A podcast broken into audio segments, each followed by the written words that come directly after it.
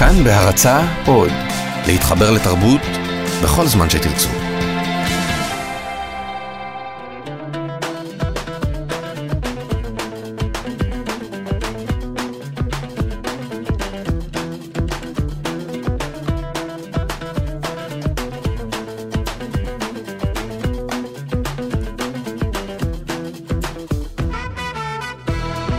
קפה גיברלטר, שישי פחות שמח היום. בכל זאת אנחנו כאן, אה, כאן תרבות, 104.9 ו-105.3 FM. אנחנו בשידור חי גם בכאן 11 בטלוויזיה, וביישומון כאן אודי, אני אופיר טובול, העורכת והמפיקה היא שיר זיו, ואיש הסאונד שלנו היום הוא אלעד אה, זוהר. תנחומים, קשה מאוד לעשות תוכנית באווירה כזו. אה, מאוד מאוד קשה לראות את התמונות שראינו עכשיו על המסך. בכל זאת, אנחנו נשתדל לעשות תוכנית קצת יותר רגועה. אה, בכל זאת, יהיו כאן איתנו הזמרת קמילה, שתכף כבר איתנו באולפן, תכף תשאיר ותנגן לנו. חוץ מזה, נארח גם את קובי יפרח, בחור שחי על גבול מרקש ירוחם, מייסד תוכנית ללימודי המזרח. אה, בירוחם. נדבר גם קצת על ל"ג בעומר, תהיה פה אסתר שקלים, שהיא חוקרת קהילות ישראל, משוררת שכבר הייתה איתנו, נדבר קצת על מקורות החג. אנחנו מתחילים עם שיר אה, מספר תהילים, שיחזק אותנו קצת, רבע לאפריקה עם אה, גם כי אלך.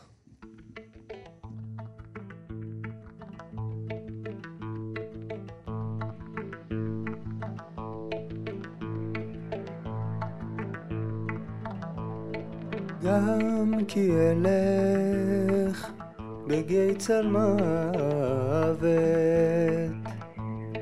לא אירע רע, אתה עמדי. גם כי אלך בגיא צל מוות, לא אירע רע, כי אתה עמדי. כי אתה עמדי, כי אתה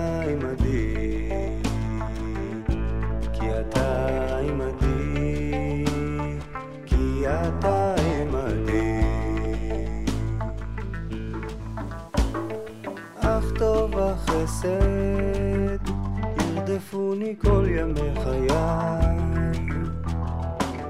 ושבתי בבית אדוני לאורך ימים. אך טוב החסד ירדפוני כל ימי חיי. ושבתי בבית אדוני לאורך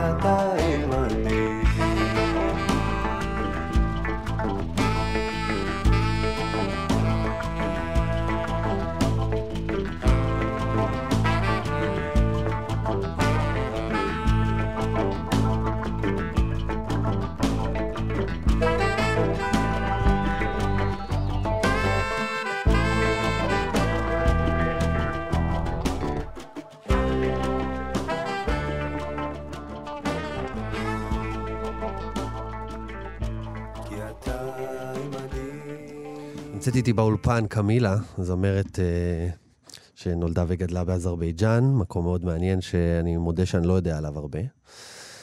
קמילה, מה נשמע? היום קצת פחות. מה אומרים? ולא מה- נגיד בוקר טוב. כן, מה אומרים בבוקר שלום. כזה? לא אומרים, מנסים להמשיך לנשום. אז בוא נשמע אולי כמה צלילים ש... את יודעת, המוזיקה מנחמת אותנו הרבה, נכון. ובחרת שיר שהוא, בלי להתכוון, מתאים קצת לא, לאווירה של הבוקר הזה, לא? נכון. אני אבצע מקאם אזרבייג'ני עתיק, תפילה אזרבייג'נית עתיקה. אה, נשים אזריות היו מחכות הגברים שלהם שישובו הביתה מהמלחמה על האדמה. והם היו מדליקים, אה, הם היו מדליקות אש ומתפללות להשבת הבנים הביתה בשלום.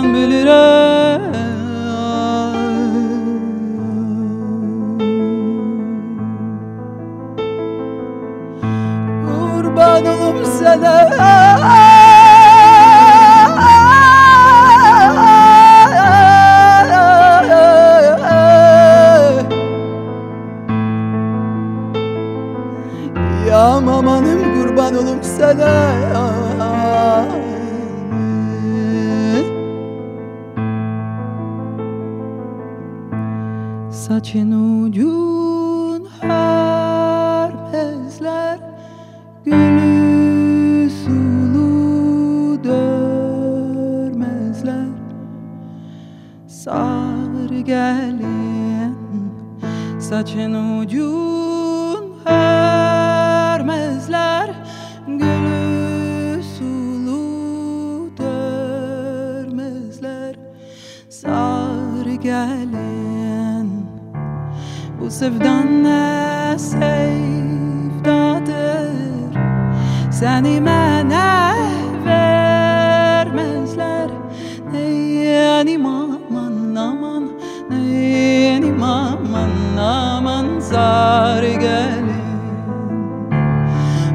Bu sevdan ne sevdadır?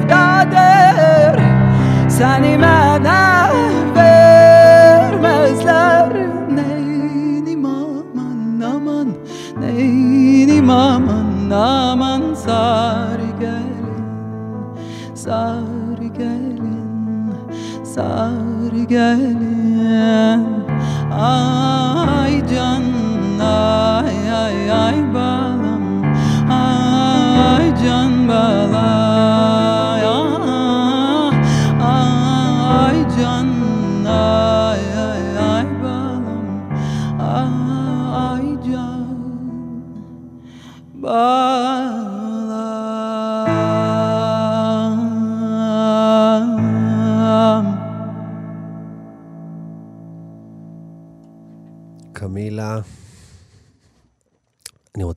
תרגום של איזה שורה,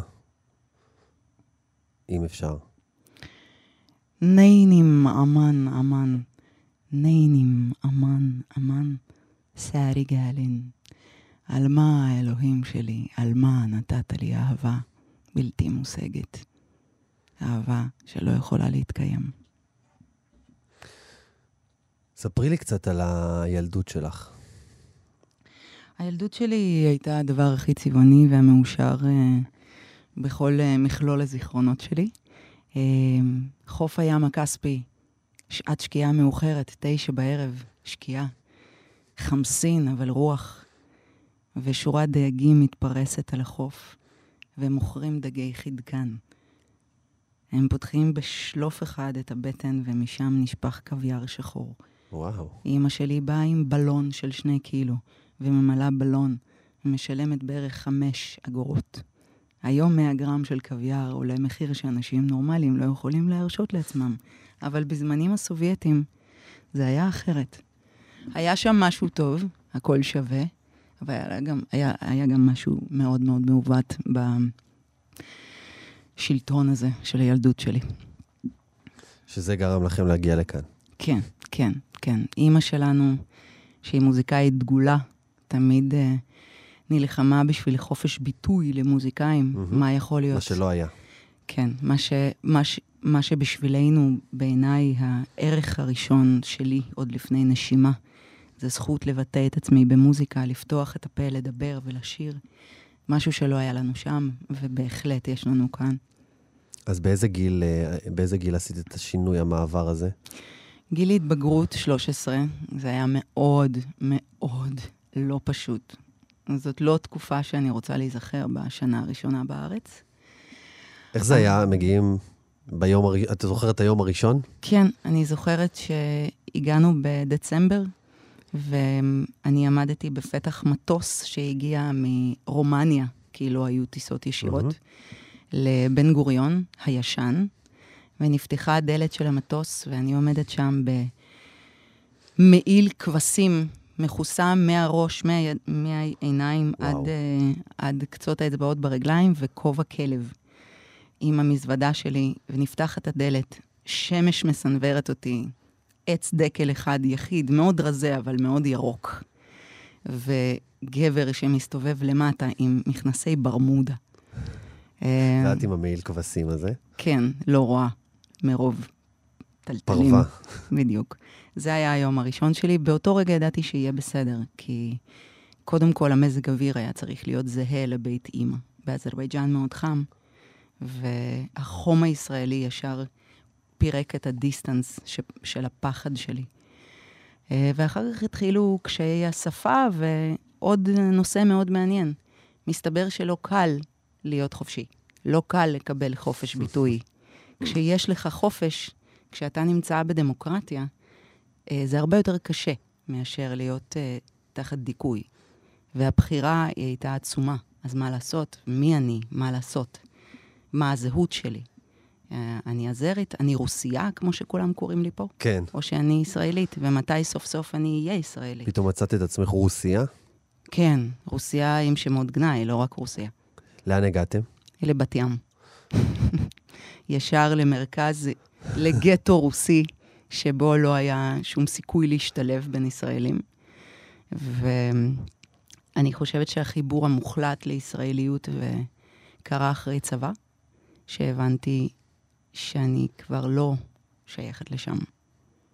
אבל עד אז באמת שקלתי לחזור, כי לא ידעתי מי אני. עצם כתיבת האלבום הייתה ניסיון לאחות בין שני כן. קרעים ולהבין מי אני. האלבום שיצא לפני שנתיים, אלבום בכורה שנקרא אדמה, בעצם מחפש איפה השורשים שלי. שחלקו הגדול הוא בשפה האזרית, נכון? לא, חלקו הגדול בעברית, שירים אוקיי. שהלחנתי וכתבתי בעברית, וחלקו הקטן יותר באזרבייג'נית, כן. אוקיי. וזה בעצם היה אחרי, אחרי התבגרות ו... ו... של התכחשות לזהות ול... ולמורשת המוזיקלית הזאת? לא, אחרי uh, חיפוש נוטף דם, משהו כזה, ממש, ממש. ישבתי חמ- בחמש, שש בלילה אחרי העבודה כדי להבין כן. ולפענח, עד שהשכנים היו קוראים למשטרה מרוב צלילי הפסנתר. זה, זה היה ממש ככה. כתבתי את האלבום בשנה, ואז לקח לי תשע שנים אה, למצוא אומץ לשחרר אותו וואו. לאור. והוא שוחרר לפני שנתיים. אני אשמח אם נשמע עוד קטע מהאלבום. אה, אני לא מצליחה למצוא בעצמי כוחות אה, בגלל המאורעות אה, לשיר עוד קטע מהאלבום. אני אבצע שיר של זמר ישראלי שחיבר אותי למוזיקה הישראלית, ושמו ארז אלגרבלי, אה, וזו תפילה אישית שלי. אני מקווה שכל המאזינים שלנו יוכלו למצוא לפחות דבר אחד חם בלב לבקש היום. תן. תן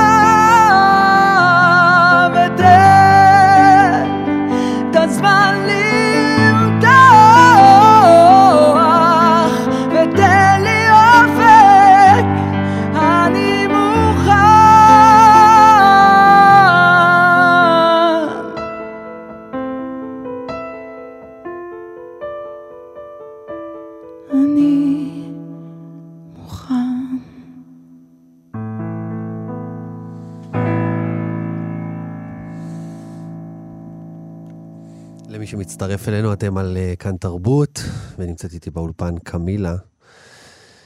אה, בבוקר אה, לא פשוט לנגינה ולשירה ולשיחה. קמילה, אני רוצה לשאול אותך לפני שנסיים, אה, מה תוכניותייך לעתיד?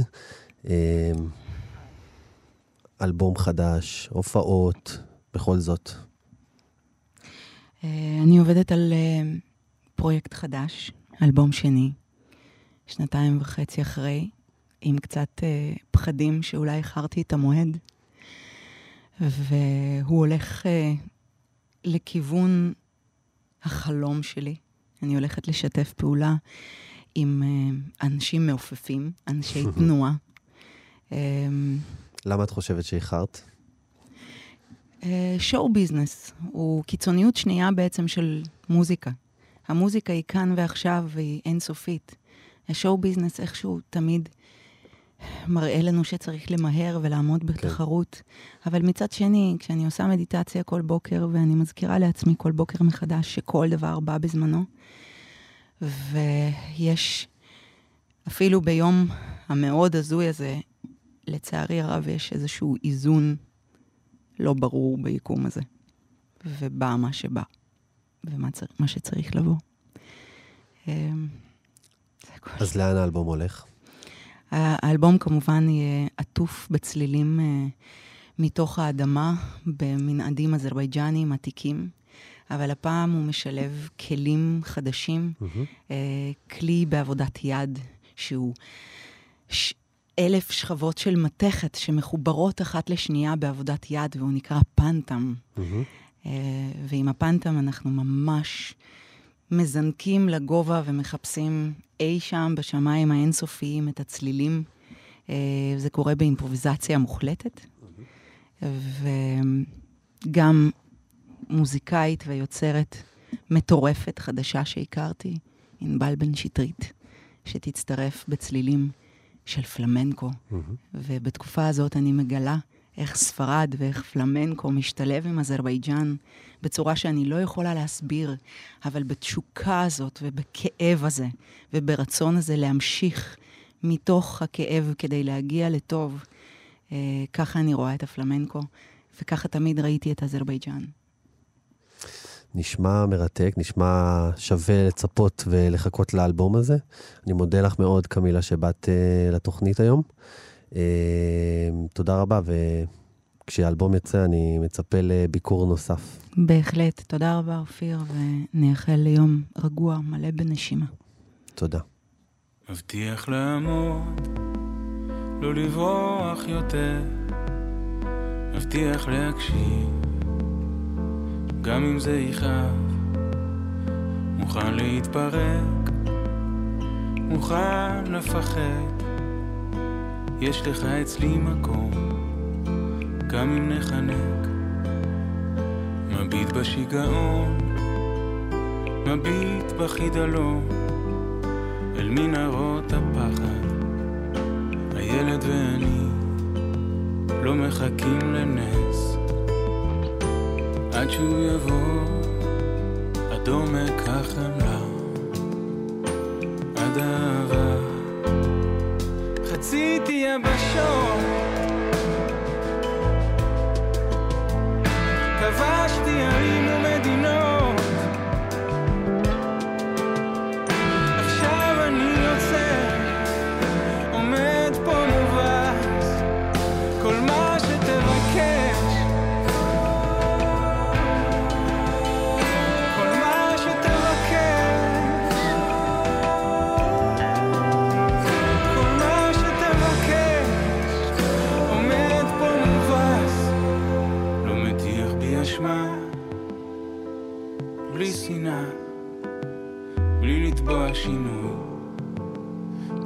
לבקש סליחה, לא מנסה לתקן, לא לוחץ לתוצאה, רק לחבק ולהקשיב.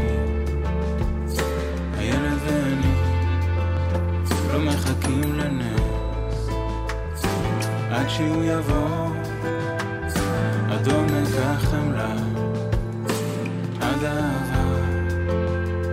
חציתי יבשות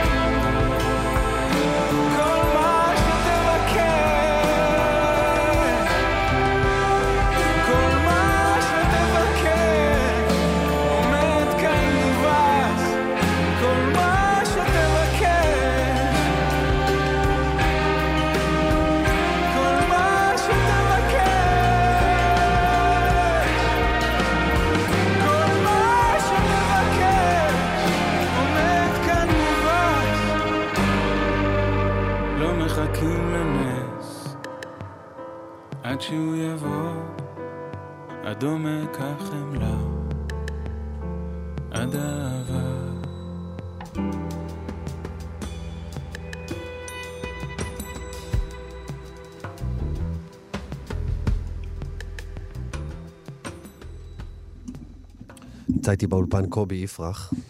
קובי הוא יזם אה, חברתי ותרבותי מירוחם, הוא חי על הציר של מרוקו, ירוחם, מרקש, ירוחם, אה, והוא אחד היזמים של תוכנית אלול מן המזרח, תוכנית אה, ללימוד יהדות המזרח בחודש אלול. אמנם אנחנו עכשיו בחודש אייר, אבל פתחתם כבר את ההרשמה, נכון? אתם מזמינים את ה... צעירים, קהל צעירות. היעד הצעיר יותר, נכון? ללמוד אה, אצלכם. אני רוצה לקרוא מתוך אה, אה, טור של אלישיב רייכנר, שהוא תושב ירוחם, כתב על התוכנית שלכם אה, באתר אנרג'י. אה, הוא אומר, על כריכת המחברת האישית שקיבלו משתתפי התוכנית, נכתב המשפט הפותח מהסליחות הספרדיות. בן אדם לך נרדם, קום קרא בתחנונים. ועל קירות בית המדרש תלויות בין השאר תמונותיהם של רבי יוסף משאש, הבבא סאלי, רבי דוד בוזגלו והבן איש חי. זה מבטא את הרוח ש... שאתם מנסים אה, להביא לתוכנית. בדיוק. אני אולי אלך לתחילה איך, כן. איך, הוק, איך הוקם הדבר הזה שנקרא אלול מן המזרח. בעצם מתחיל לפני שלוש שנים במרוקו. אני טס למרקש, אני ועוד אה, זוג חברים, יניב יצחק, שהוא חלק המניע של הדבר הזה. אה, וטסים ביחד למרקש, אחרי שלושה חודשים הם עוזבים. בפעם הראשונה? בפעם הראשונה, שלי לא, בפעם ה-20 שלי, מגיל 18 אני על הציר. אה, ומגיעים לשם בעצם לחקור איך קהילה הולכת אה, להיסגר, או איך קהילה נעלמת, קהילה שהוקמה ב-1200, 30 אלף, להיכחד מבחינה תרבותית. בדיוק, הולכת להיכחד, ואיך אנחנו משמרים את הסיפור שלה. אחרי שלושה חודשים הם עוזבים בעקבות כל מיני בעיות בירוקרטיות. אני הוצאתי אזרחות מרוקאית, ובעצם אה, ממשיך לגור במרוקו. ספר קצת על הקהילה במר... קהילה ב- של במרקש, אה, 100, כל מרוקו אנחנו מדברים על סביבות ה-2,500 יהודים. שחיים שם היום, אבל במרוקו. בעבר.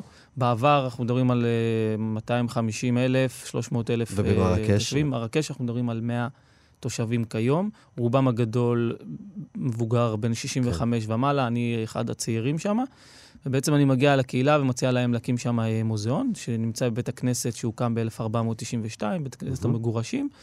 ובעצם המוזיאון, המטרה שלו לספר את הסיפור של קהילת מרקש הולכת ונעלמת. עם אנחנו יודעים אבל שבשיא חיו במרקש 30 אלף 30,000, יהודים. כן, 30 אלף יהודים במלח עצמו, באזור המלח, וכמובן כן. גם בגיליס, בעיר החדשה. נגיד למי שלא מכיר, שהמלח זה הרוב הרובע הגוטו. היהודי. בדיוק, הגטו, הרובע היהודי בדיוק. כן, שהיה סגור ליהודים. שהיה סגור ליהודים. אוקיי, אז אתם עושים שם, מתחילים שם איזשהו פרויקט שימור. שימור של בית הכנסת, ומקימים שם מוזיאון כן. שמספר את הסיפור של הקהילה. אם פעם היו נכנסים 30 איש, אז היום נכנסים 300 איש, רובם הגדול מוסלמים ו- אה, ונוצרים, שמתעניינים בסיפור שמתעניינים היהודי. בסיפור היהודי. כן. המלך משפץ. את המלח ב-20 מיליון דולר, שזה בעצם מביא את המשמעות של מה חשיבות היהדות כן, בתוך במרוקו. אה, מרוקו. אה, ובעצם היום אה, כל תייר שמגיע למרוקו, אם הוא יהודי, אם הוא מוסלמי או נוצרי, שרוצה לבוא ולראות מה זה תרבות יהודית, אז הוא מגיע לבקר בבית הכנסת. במקביל לזה המשכנו את הפרויקט הבא, שזה שיפ, שיפוץ של בית העלמין. בית העלמין במרקש זה הבית העלמין הכי גדול במרוקו, 20 אלף גברים, 52 דונם, שבעצם זה העדות היחידה למה היה במרקש עצמה, איך הקהילה היהודית הזאת חיה ותוססת, וכמובן כל מי שקבור בה. כן. איך כל זה קשור ל- לתוכנית אה, תוכנית לימוד יהדות המזרח? אז אחרי... בירוחם. אחרי שנתיים שאתה נמצא שם כן. במרוקו ואתה אה, מתחיל לשחזר גברים, מתחיל לקרוא על כל אחד ואחד שקבור שם, אתה מתחיל להבין כמה העושר התרבותי הזה, וזה אתה כיחידי. אתה, מנסה, לה- אתה חוזר לארץ פה לבקר ובא לחג לפסח ופוגש את החברים, כן. אה, ואתה מבין איך, איך בעצם, איך הסיפור הזה, אנחנו יכולים להעביר אותו הלאה, איך אנחנו יכולים להעביר אותו לדור הבא, לחבר'ה צעירים כמוני, שלא, אולי לא ייסעו למרוקו, ואולי לא ייקחו את עצמם לשנה במרוקו ויבינו מה זה, אלא בחודש וחצי, שזה בדיוק חודש תוכנית אלול, כל המטרה של אלול בעולם זה כאילו לבוא ולעשות איזה סוג של חשבון נפש. איך בחודש הזה, חודש וחצי האלה, אנחנו בעצם מכינים את עצמנו לשנה הקרובה, אבל בעצם מכינים את עצמנו לחיים. והמטרה היא לבוא ולחשוף אותם למה שאני גיליתי שם, ביחד עם יניב והדסה, מה שגילינו שם, איך אנחנו בעצם מביאים את זה לתוך החבר'ה הצעירים. אז פנינו כמובן לדוד ביטון, דוקטור דוד ביטון, שהוא בעצם חלק מההוגה של כל הרע- הרעיון הזה גם איתנו. של ההתחדשות, ה... ההתחדשות היהודית, נקרא לזה, כן. בירוחם. נכון. ההתחדשות היהודית בירוחם, אני אומר, העיר הזו הפכה לאיזה, אתה יודע. ממה שנקרא עיירת פיתוח לאיזושהי בירת תרבות כזאת נכון. פריפריאלית. אני חושב שהייחודיות של ירוחם זה בדיוק המקום שהיא נות... מאפשרת לך לבוא ולחלום וליזום. כאילו, תבוא, באנו עם החלום, אה, זוכר למיכאל וזה, כאילו, ראש תעשו. העיר מיכאל ביטון. כן, כאילו זה משהו כן. מאוד, אה, גם נראה לי המיקום עצמו שזה ירוחם וזה מדבר, מדבר. זה בדיוק החבר'ה של מזכיר פריפריה, קצת את ועולים הנוף של אה, מרקש, לא? פחות או יותר. אתה יודע, את. הסביבה.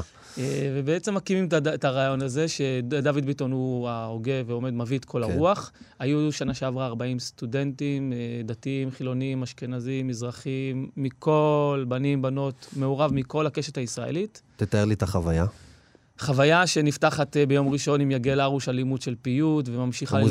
מוזיקאי. וממשיכה כן. ללמוד אה, ערבית עם אה, דוקטור יובל דגן, ואחר כן. כך טרמינל לעיצוב על אומנות מהמזרח, ממשיכה עם חכם דוד מנחם, שמלמד על כל מירה סאג ועד כן. אה, חכמי מרוקו. כלומר, הרבה, אה, זאת אומרת, זו תוכנית לימוד שלומדים בה גם הרבה מוזיקה, לומדים בה גם ערבית וגם טקסטים, נכון? נכון, יהודים? גם אומנות וגם אה, מזרח שמש, שהם שותפים מאוד מאוד כן. חזקים לתוכנית. העבירו שם תוכנית ביחד עם יהושע דרורי ויפה בניה, על כל נושא של כאילו מסור, מסורות ביהודי המזרח. כמובן שתיקון, שהם חלק שותפים שלנו, כן. אז פרופסור אה, דוקטור מאיר בוזגלו, אז היה חלק מאוד מאוד חזק בבית מדרש. שהמטרה היא לתת את כל הגוונים האלה, יהדות, מוזיקה ואומנות, לנקות את האבק. ואנחנו מבינים שזה לא למזרחים בלבד. ממש לא. התוכנית היו, בוא נגיד לא חצי-חצי, אבל היו, היו איזה עשרה, כן. 12 אשכנזים, הרוב היה מעורב. איך, היה, כן. איך היו התגובות שלהם דווקא? התגובות של אותה חבר'ה. כן. אה, בדיוק אחד רשם פוסט שמי ש... מי שמוכן שהלב שלו יישבר, שיבוא לאלול מן המזרח. כאילו מי שמוכן לחוות את החוויה החזקה הזאת, שיבוא לאלול מן המזרח. הלב שלו יישבר, למה? כי, כי כי פתאום הוא יגלה הוא גלה פתאום איזה עולם, אוצר ש... ש... שהיה. חסום ממנו? בדיוק, שלא היה חסוי ממנו, לא בא לקדמת הבמה, לא, לא היה נגיש. פתאום אתה מגלה על רבנים, אתה מגלה על פסיקות הלכה, ואתה מגלה על תרבות מסוימת שהיא לא במיינסטרים, היא לא, היא לא כן. נגישה. כאילו, אתה צריך לחפש טוב מאוד באינטרנט כדי לבוא ולדעת את הטקסט הזה, או להכיר את הבן אדם הזה. ואחת הדמויות המרכזיות שמדברים עליה, עליהם שם זה באמת הרב שלום משאש, הרב יוסף משאש. הרב יוסף או- משאש, נכון, הרב כן. יוסף משאש, מניטו, אפילו... ספר על עליו קצת. אפילו על למה- הרב מה- עובדיה. מה באמת הבשורה הגדולה? חושב, הבשורה הגדולה בעיקר זה ה, כל, הש, כל החשיבת הפסיקה שלו. איך הוא ראה ב, ב, בדיון שלו, באחד הפסיקות, הוא רושם שהוא מסתכל, התהליך שלו לפסיקת הלכה זה הדין, השכל והזמן. כאילו, מה ההלכה אומרת, מה השכל הישר אומר שרב- ומה הזמן. רב אחר היה אומר רק הדין. כן. נכון? ר- בדרך כלל רב אחד, הוא- יש אומרים שלושה עמודי תורה, שזה כן. הרמב"ם, הרמב"ם, אה, הראש הראש ו- וה- והרמב"ם הראש והתשבץ, או משהו כן. כזה. ואצל אה, רבי יוסף משאש זה בדיוק הדין, השכל והזמן. מה הזמן אומר? כאילו, איך אני במציאות קובע את ההלכה.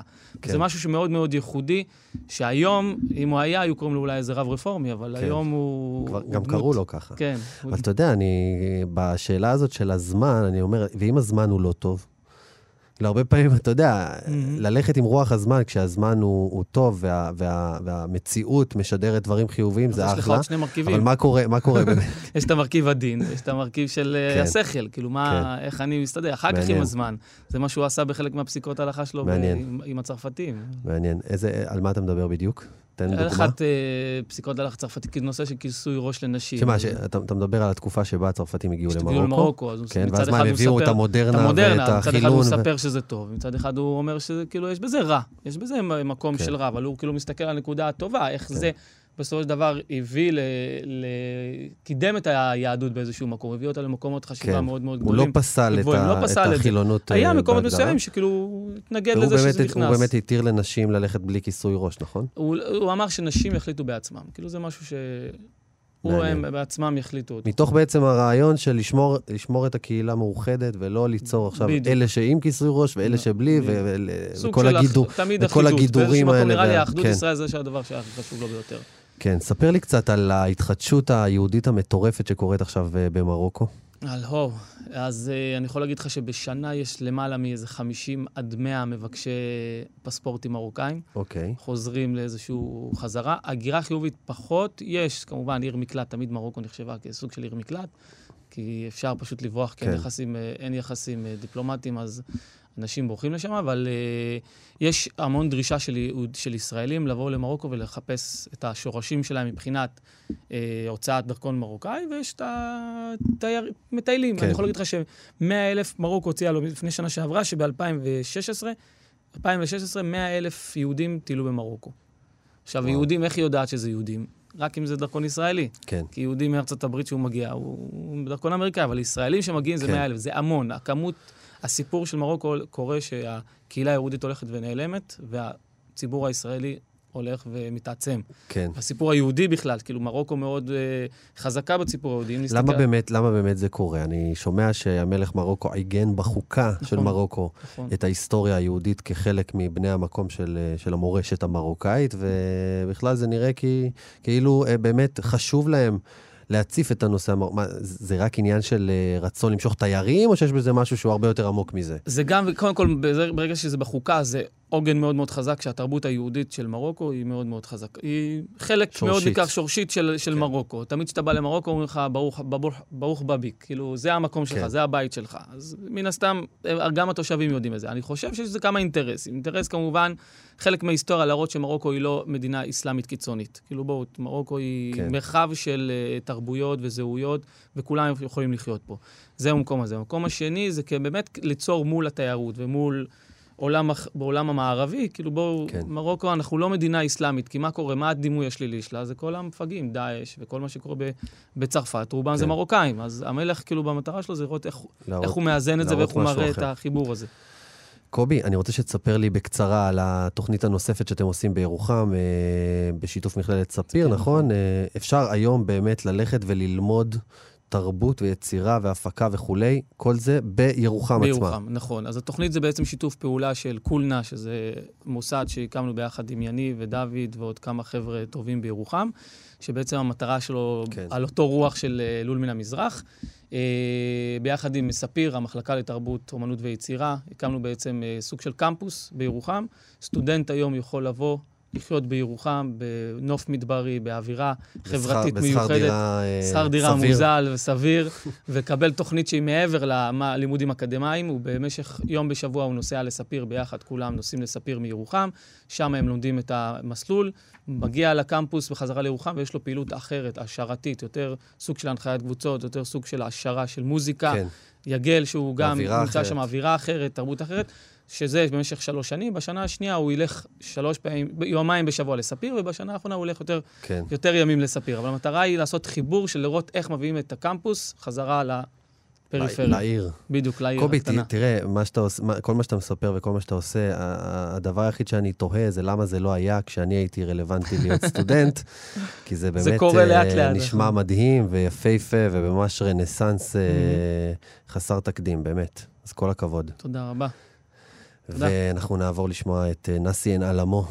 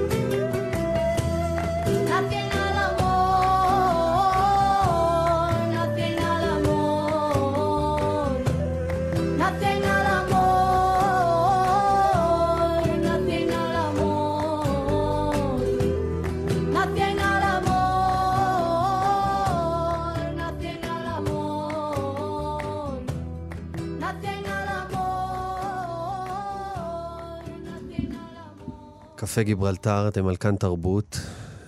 תוכנית באווירה קצת אה, מדוכדכת, כי אנחנו... קשה, קשה לראות את התמונות, קשה, קשה, זה היה מאוד מאוד קשה להתחיל היום. ונמצאת איתי באולפן אסתר שקלים, משוררת, חוקרת קהילות ישראל, מה שלומך? ברוך השם, יכול להיות יותר טוב. כן. הזמנתי אותך לדבר על ל"ג בעומר. חג שתראי, אני יכול להגיד לך שהוא מעניין אותי, אם כי אני לא כל כך מבין למה לשרוף את, ה... את הקרשים, וזה נראה לי כזה בל תשחית מאוד גדול. כן, בעבר, בילדותי לפחות, אני זוכרת שהייתה גם בובה שהיינו שורפים שם. ופעם זה היה היטלר, ופעם כן. זה היה מישהו אחר, ו... אה, זה היה כחלק מכל החינגה. זה... עכשיו, צריך להגיד שבגדול, ל"ג בעומר, כשהוא קשור לבר כוכבא, כן. זה אחד מחגי הציונות. זאת אומרת, אנחנו מכירים מהמאה ה-16, מאז שהמקובלים אה, ייסדו את המרכז הגדול של הקבלה בצפת. בצפת, אז שם מתחילה גם ההילולה לזכר הרשב"י. שמעון. אה, כן, רבי שמעון בר יוחאי, כי לפי המסורת הוא נולד ומת באותו יום, וזה גם היה יום חתונתו. רגע, אז ו- לפני המאה ה-16 לא היה כזה חג? לא. וואלה. לא, לא, לא, לא היה, יותר מזה, לא רק שלא היה כזה חג, אלא שהחג הזה, או הסיב... אין גם שום סיבה למסיבה, אתה לא מוצא אותו בכלל בשום מקום מהיסודות המכוננים של היהדות. אה, לא במקרא, לא במשנה, לא בתלמוד. פעם ראשונה אתה מוצא אותו בכלל אצל הראשונים. וזה רק במאה ה-12, כי... אה, רשום בתלמוד שהיו לרבי עקיבא 24 אלף תלמידים, והם מתו בין פסח לעצרת. זהו. כן. אבל פעם ראשונה במאה ה-12 באשכנז אנחנו שומעים שביום ה-33 לעומר, כן? ל"ג בעומר, אז אה, נפסקה המגפה. אנחנו לא יודעים על בסיס מה הוא אומר את זה. אבל הוא אומר שבאותו יום נפגעה, אה, נפסקה המגפה, ובמאה ה-15 אנחנו כבר שומעים, 15-16, שבאותו יום אה, עושים. אה, עושים, לא, עושים שמחה, עושים שמחה. והתחילו כבר אז לצאת אה, החוצה, ל... התחילו אז באשכנז, נהגו לצאת אה, עם אה, קשת וחץ, ולשחק ל- ב- בטבע. העניין של המדורות הוא יותר מאוחר, אנחנו יודעים שהודלקה מדירה, היה מקובל להדליק מדורה ענקית אצל אה, הרשב"י. כן. עכשיו, זה בהילולה שלו. עכשיו, מה זה הילולה? האמת היא שאפשר להתפלא, מה זה הילולה? הילולה בארמית זה חתונה. כן. ואנחנו עושים את זה גם ב... גם אצל אה, כל מיני... יורצייט, מה שנקרא. כן, כן, אבל, אבל ההילולה ממש עושים את זה בל- לצדיקים גדולים, ביום כן. מותם. כאילו, תגיד, בוא תעשה את זה ליום ההולדת שלו, מה אתה שמח כשהוא מת? אבל זה לא ככה. לפי מסורת הקבלה, ביום מותו, של הצדיק. עולה, של הצדיק, במקרה הזה רשב"י, כן. הנשמה שלו עולה למעלה ומתאחדת עם העולמות העליונים, עם כיסא הכבוד. היא בעצם, יש כאן חתונה רוחנית, היא זוכה לזה, לא כל כן. אחד זוכה לזה, אבל הצדיק בטח זוכה לזה.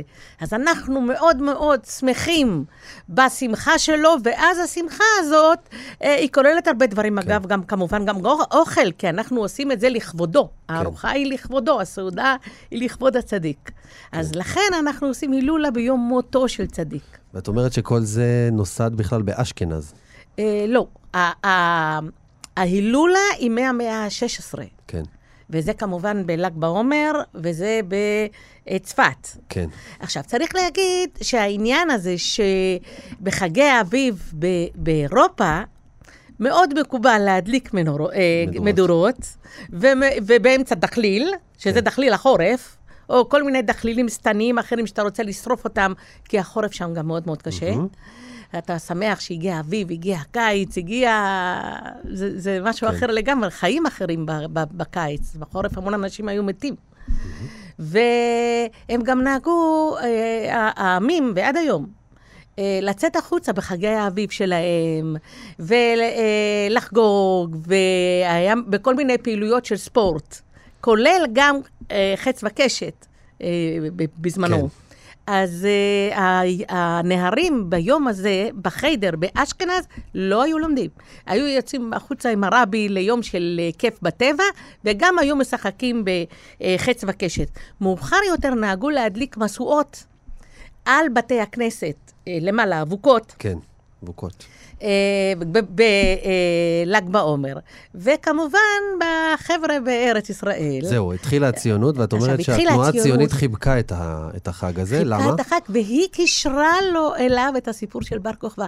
תראה, לפני כן כולם ידעו, ל"ג בעומר זה רשב"י. איך קראו לילדים כן. שנולדו בג- בל"ג בעומר? כן. איך הם קראו להם? מה אתה חושב שקראו להם? מאור איך? או זה? שמעון. שמעון. כן, מי זהו. שנולד ב- בל"ג בל"ג בעומר, בעומר זה שמעון. מצווה בזאת לקרוא לבן שלו שמעון. היה מקובל, היה מקובל. כל זמן, בר כוכבא בכלל עוד לא, עוד לא, עוד לא קושר לחג, גם אין סיבה כאילו במקורות לקשור אותו ת- לחג. תקני אותי אם אני טועה, אבל רבי שמעון בר יוחאי לא ממש תואם את האתוס הציוני. זאת אומרת, אה, לא. בר כוכבא כמישהו שהוא יותר עכשיו, אה, רגע, איך הם חיברו אותו? גב תראה, גבר תראה. שנלחם ברומאים. התנועה הציונית באה ורוצה להקים לנו מדינה, ברוך השם. כן. היא רוצה להקים צבא.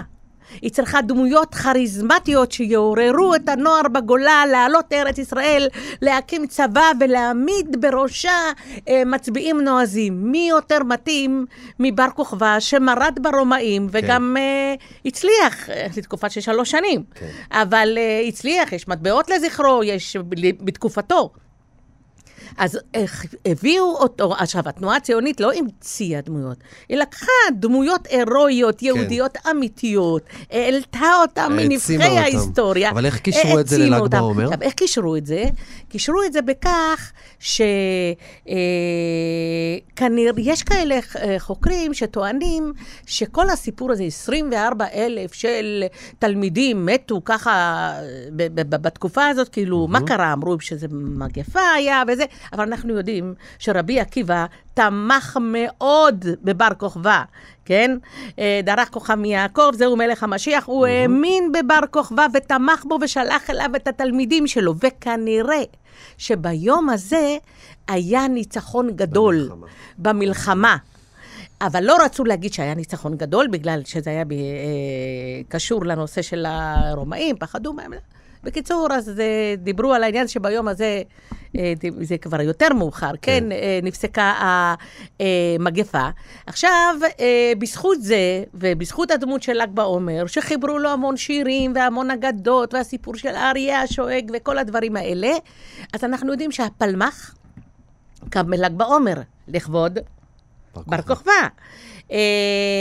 אגדה, קם בל"ג בעומר. עם הסמל של החץ עם והקשת. הסמל של החץ והקשת, בדיוק בגלל זה. אבל חץ והקשת זה גם המצווה ללמד את בני יהודה קשת. זאת כן. אומרת, ללמד אותם ללחום. לה- להרים, כי- להחזיק רובה. בגולה כן. לא היה לנו, בגולה אנחנו מכירים את כל ה- אה, אה, הפרעות האלה, ושאנחנו לא יכולנו אסתר, להתנגד. כל- אבל כל מה שאת מספרת, למשל המנהג אה, של הדלקת המדורות, אה, לשחק בחץ וקשת, זה לא היה קיים בארצות המזרח, נכון? בארצות המזרח לא. כי כל ה... אני אומרת לך שהעניין של החץ וקשת היה מושפע מחגי האביב. כן, האירופים. של, ה... של האירופאים, שזה היה בסביבות אה, אפריל, מאי וזה. אצל יהודי המזרח האביב התחיל ב- במרץ, מרץ-אפריל. זה, זה קצת היה שונה, וגם לא היו משחקים שם בחץ וקשת, כן? זה, יש פה השפעה. מה שמאוד יפה ביהדות, שלוקחים מנהגים מהסביבה ומעלים אותם בקודש, נותנים להם משמעות יהודית, במקרה הזה גם משמעות ציונית, זה נהדר, כן. אבל תראה שעכשיו שתי המסורות האלה מתקיימות בד בבד. מצד אחד יש לך אולי חצי מיליון שעולים למירון. ל- למירון, ומצד שני, איך? כל, כל ילד וכל גן אי אפשר. לוותר. מה, אתה לוותר את זה עם התפוחי אדמה, היום עושים אותם בגלל תראי, כסף. אני יכול להגיד לך ש... זה כיף. כן, אני, אני כל זה הזמן... קומזיץ. כן, זה קומזיץ וזה נחמד ונעים, אבל uh, אני אומר, אני מסתכל על המדורות האלה ואני אומר חרם. על כל הזיהום, לא יודע, משהו קצת, בעיה, משהו קצת עם זה. מפריע לי בדבר הזה. לכן גם היום העיריות, אה, כן, בדרך כלל. מתחמים את זה, לפחות אני יכולה להגיד לך, אצלנו ברעננה, אתה לא יכול לעשות את זה בכל חור שאתה רוצה, יש אזורים שעדיין הם לא, עוד לא בנו עליהם בניינים, אז כן. אפשר לבנות שם ואפשר להסתדר, אבל... בכל זאת, כמו שאת אומרת, באמת, אה, לסיכום, שזה באמת חג שהוא ישראלי בעצם. אה, אז אני אומרת לך, יש ל"ג בעומר, זה לא בדיוק. זה, זה חג יהודי בהקשר של רשמי. איך שאנחנו חוגגים אותו היום, זה ממש... אה, יש הדלקה ענקית שנעשית כן. גם במירון, באמת הדלקה ענקית. כן. אבל אה, ההדלקות הקטנות האלה, הקומציצים שאנחנו עושים, זה קטע מאוד מאוד חברתי וקטע מאוד מאוד לאומי. אני חושבת כן. שזה חג ציוני מקסים, בעיקרון. הרעיון שלו. ללא ספק. אני מודה לך מאוד, אה, אסתר שיהיה שקלים. לנו רק חגים שמחים ולא נשמע על אה, אסונות. על- השם אמן, אמן. ישמור את כל עם ישראל. אמן. אמן. אז אנחנו הגענו לסיום, עד כאן, אה, קפה גיברלטר, יום לא פשוט בכלל. תודה לכל מי שהיה כאן היום, לקמילה, לקובי יפרח, לך אסתר. תודה גם לשיר זיו, המפיקה והעורכת, לאלעד זוהר על הסאונד. אנחנו ניפגש כאן בשישי הבא, בתקווה לבשורות טובות. אה, ומשמחות יותר. אנחנו בכאן תרבות 104.9 ו-105.3 אה, FM, בכאן 11 בטלוויזיה וביישומון אה, כאן אודי. שבת שלום, בשורות טובות לכל עם ישראל.